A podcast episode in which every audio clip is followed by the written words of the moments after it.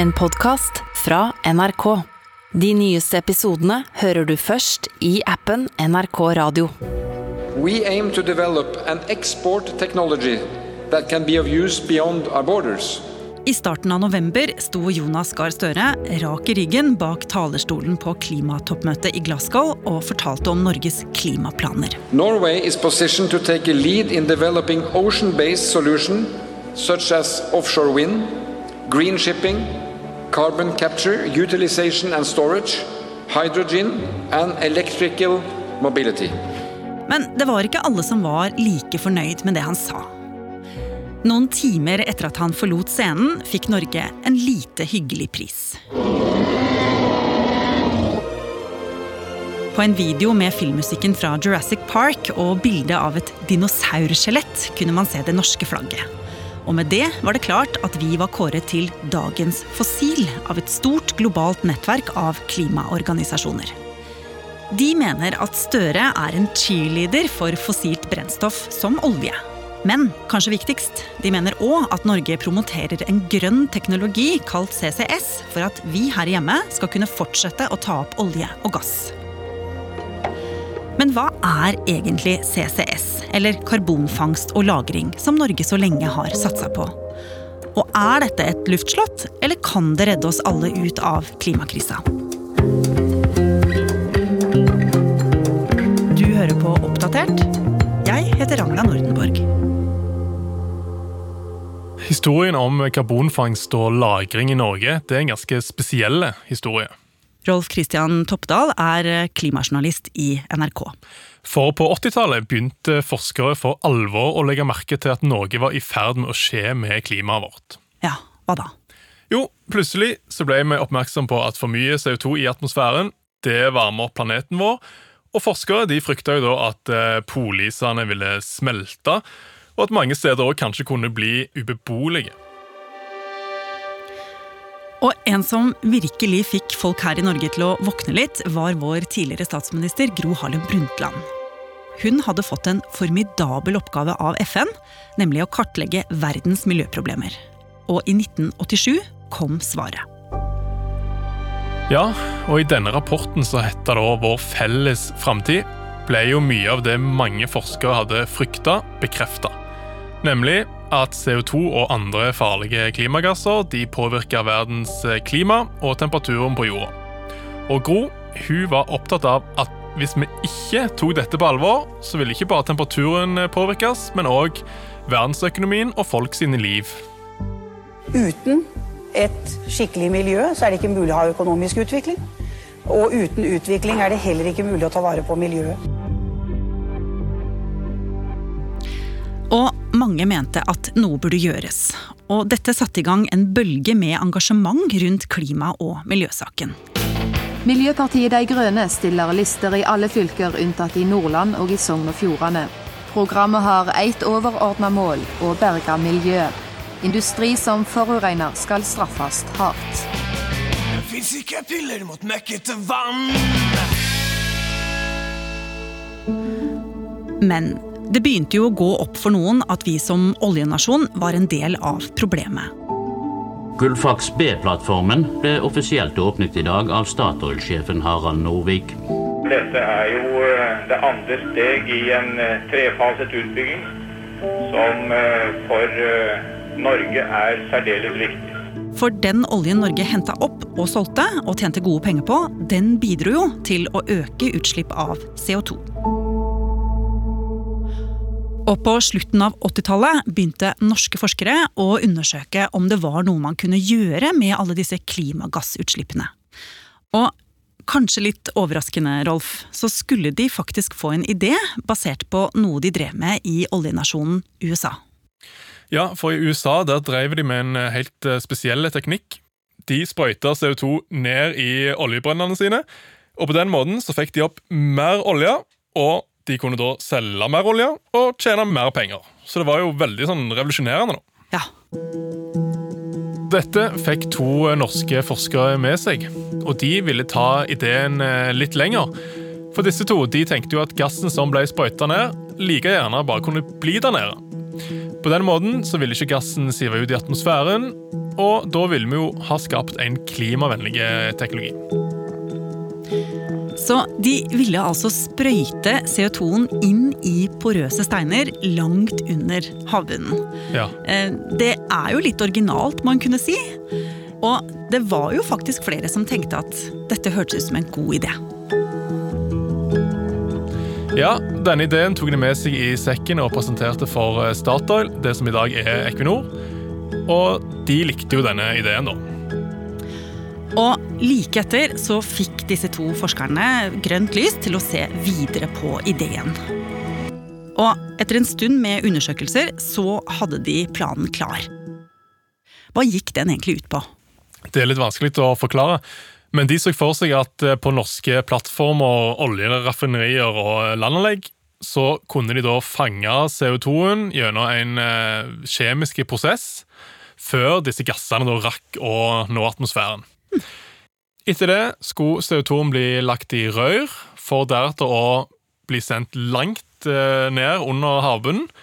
Der skulle ligge i lang, lang tid under et knallhardt lag av skiferstein.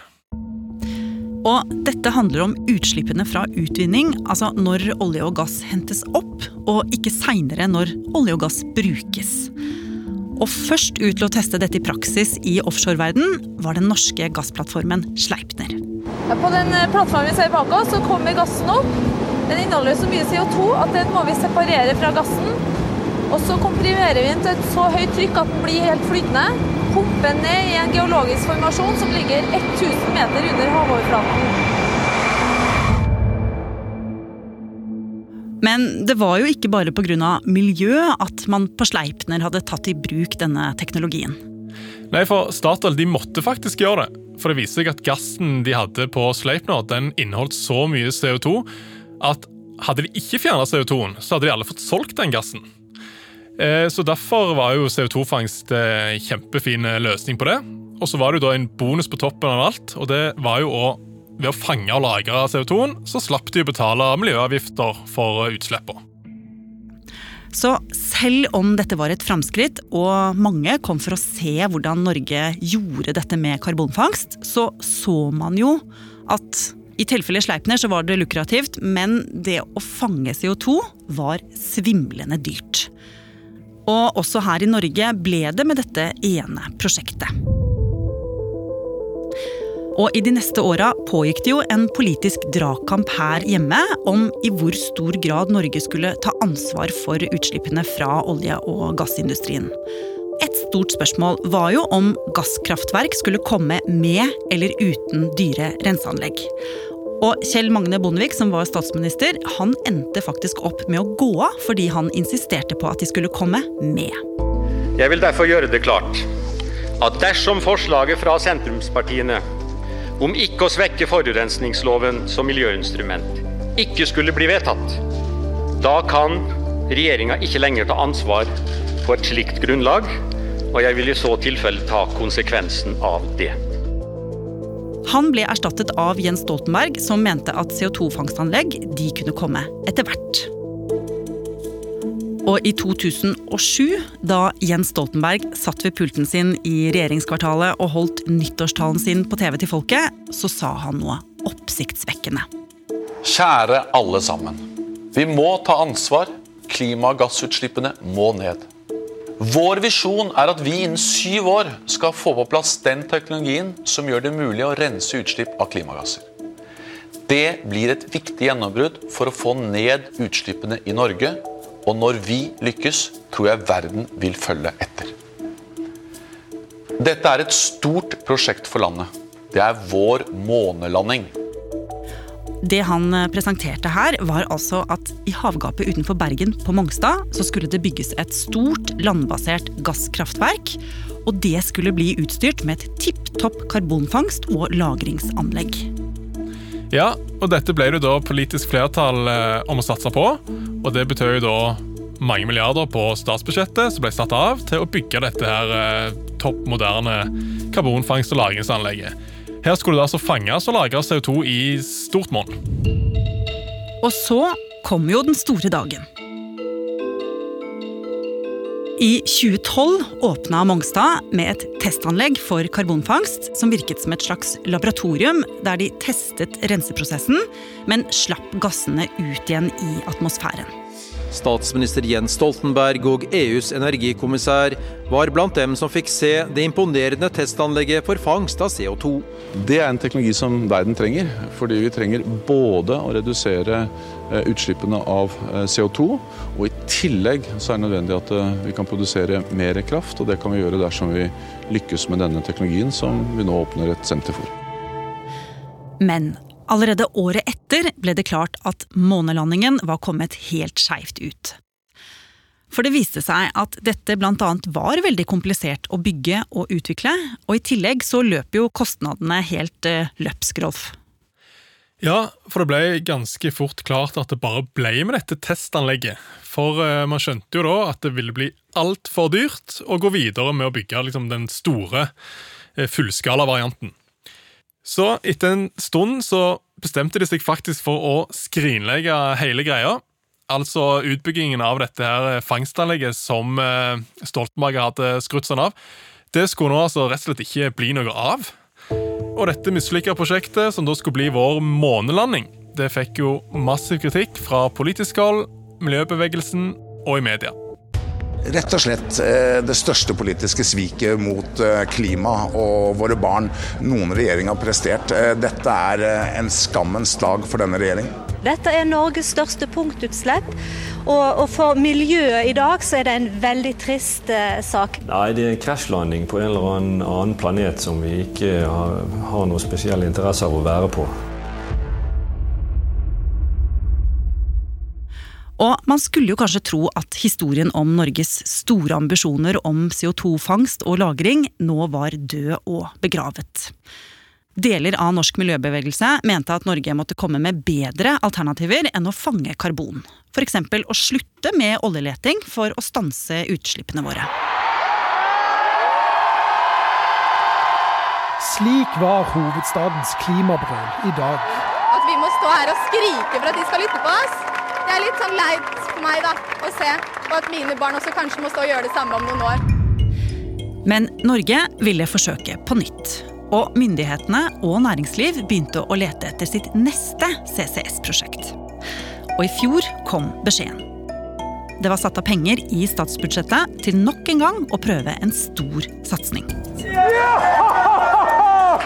Jubel i Brevik for regjeringen som vil realisere fangst av CO2 ved Norcems sementfabrikk. Dette er helt utrolig. og Det er eh, viktig for verden at vi får til karbonfangst og -lagring.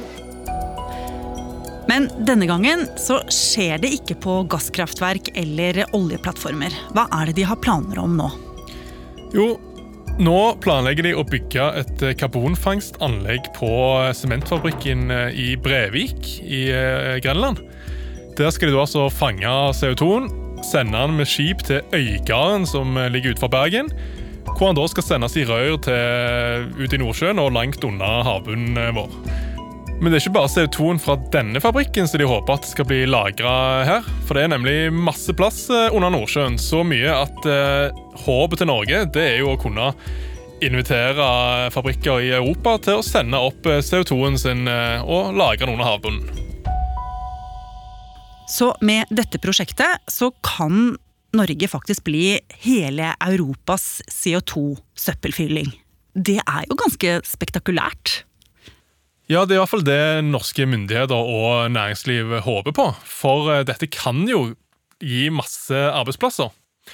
Men nok en gang så er det da økonomien som er problemet. For per i dag så lønner det seg ikke å fange, frakte og lagre CO2-en langt vekke.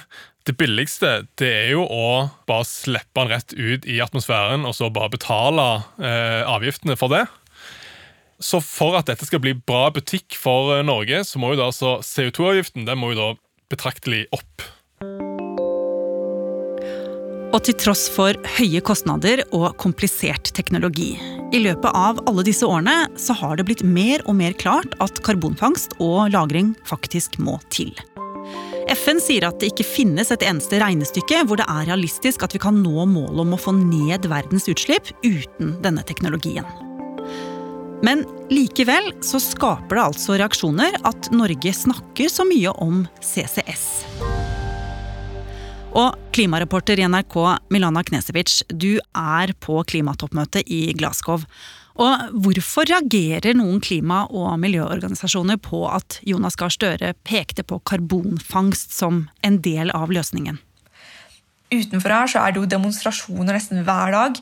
Og det er også aktivister og organisasjoner inne på toppmøtet. Eh, og noen av disse mener Norge tyr til karbonfangst fordi at vi er for avhengig av olje. Ja, og disse organisasjonene de ga jo Norge denne prisen, dagens fossil. Ja, og en av grunnene til at de ga prisen til Norge, var nettopp prat om karbonfangst, og at Norge fortsetter å støtte opp om fossil energi som olje og gass. Kritikken mot karbonfangst handler mer om at noen mener at det kan bli en hvilepute for Norge, og at en langt enklere løsning er å bare kutte olje og gass. Men Jonas Gahr Støre og den norske regjeringen sier jo at de har som mål å kutte utslippene med 55% de neste åtte åra. Så det er jo ikke karbonfangst alene som skal redde oss. Nei, eh, vi satser på elbiler, skaper fornybar energi, bygger mer energisparende bygninger eh, og støtter tiltak i utlandet som kutter bruken av kull. Men regjeringen vil ikke sette en dato for når de skal slutte å lete etter olje og gass. Støre vil at vi skal bruke kunnskapen fra olje- og gassindustrien til å finne nye løsninger. Eh, og karbonfangst og -lagring er én slik ny løsning som han tror kan skape arbeidsplasser for tidligere oljearbeidere. Og om de nye karbonfangst- og lagringsprosjektene i Norge vil lykkes, og om det vil komme skip og skip lasta med CO2 fra Europa som skal da lagres under havbunnen vår, sånn som regjeringen håper på, det vil i grunnen bare framtiden vise. Og mandag 8. november, da regjeringen presenterte det nye statsbudsjettet, kom det fram at fangstanlegget i Brevik allerede ligger an til å bli nesten 1 milliard kroner dyrere enn planlagt. Og deler av historien du nå har hørt, er basert på boken 'Gasskraft 20 års klimakamp' av Andreas Kjernshaugen.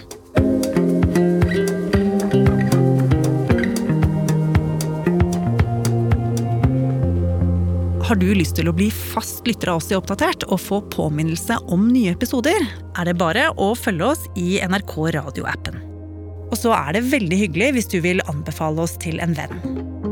Oppdatert er en podkast fra NRK Nyheter, og denne episoden er laget av Kaja Kirsebom, Ina Swan, Irina Kjelle, Pål Gauslå Sivertsen, Andreas Berge og meg, Ragna Nordenborg. Programredaktør er Knut Magnus Berge. Vil du kontakte oss, gjør gjerne det på oppdatert krøllalfa nrk.no. Du har hørt en podkast fra NRK. De nyeste episodene og alle radiokanalene hører du i appen NRK Radio.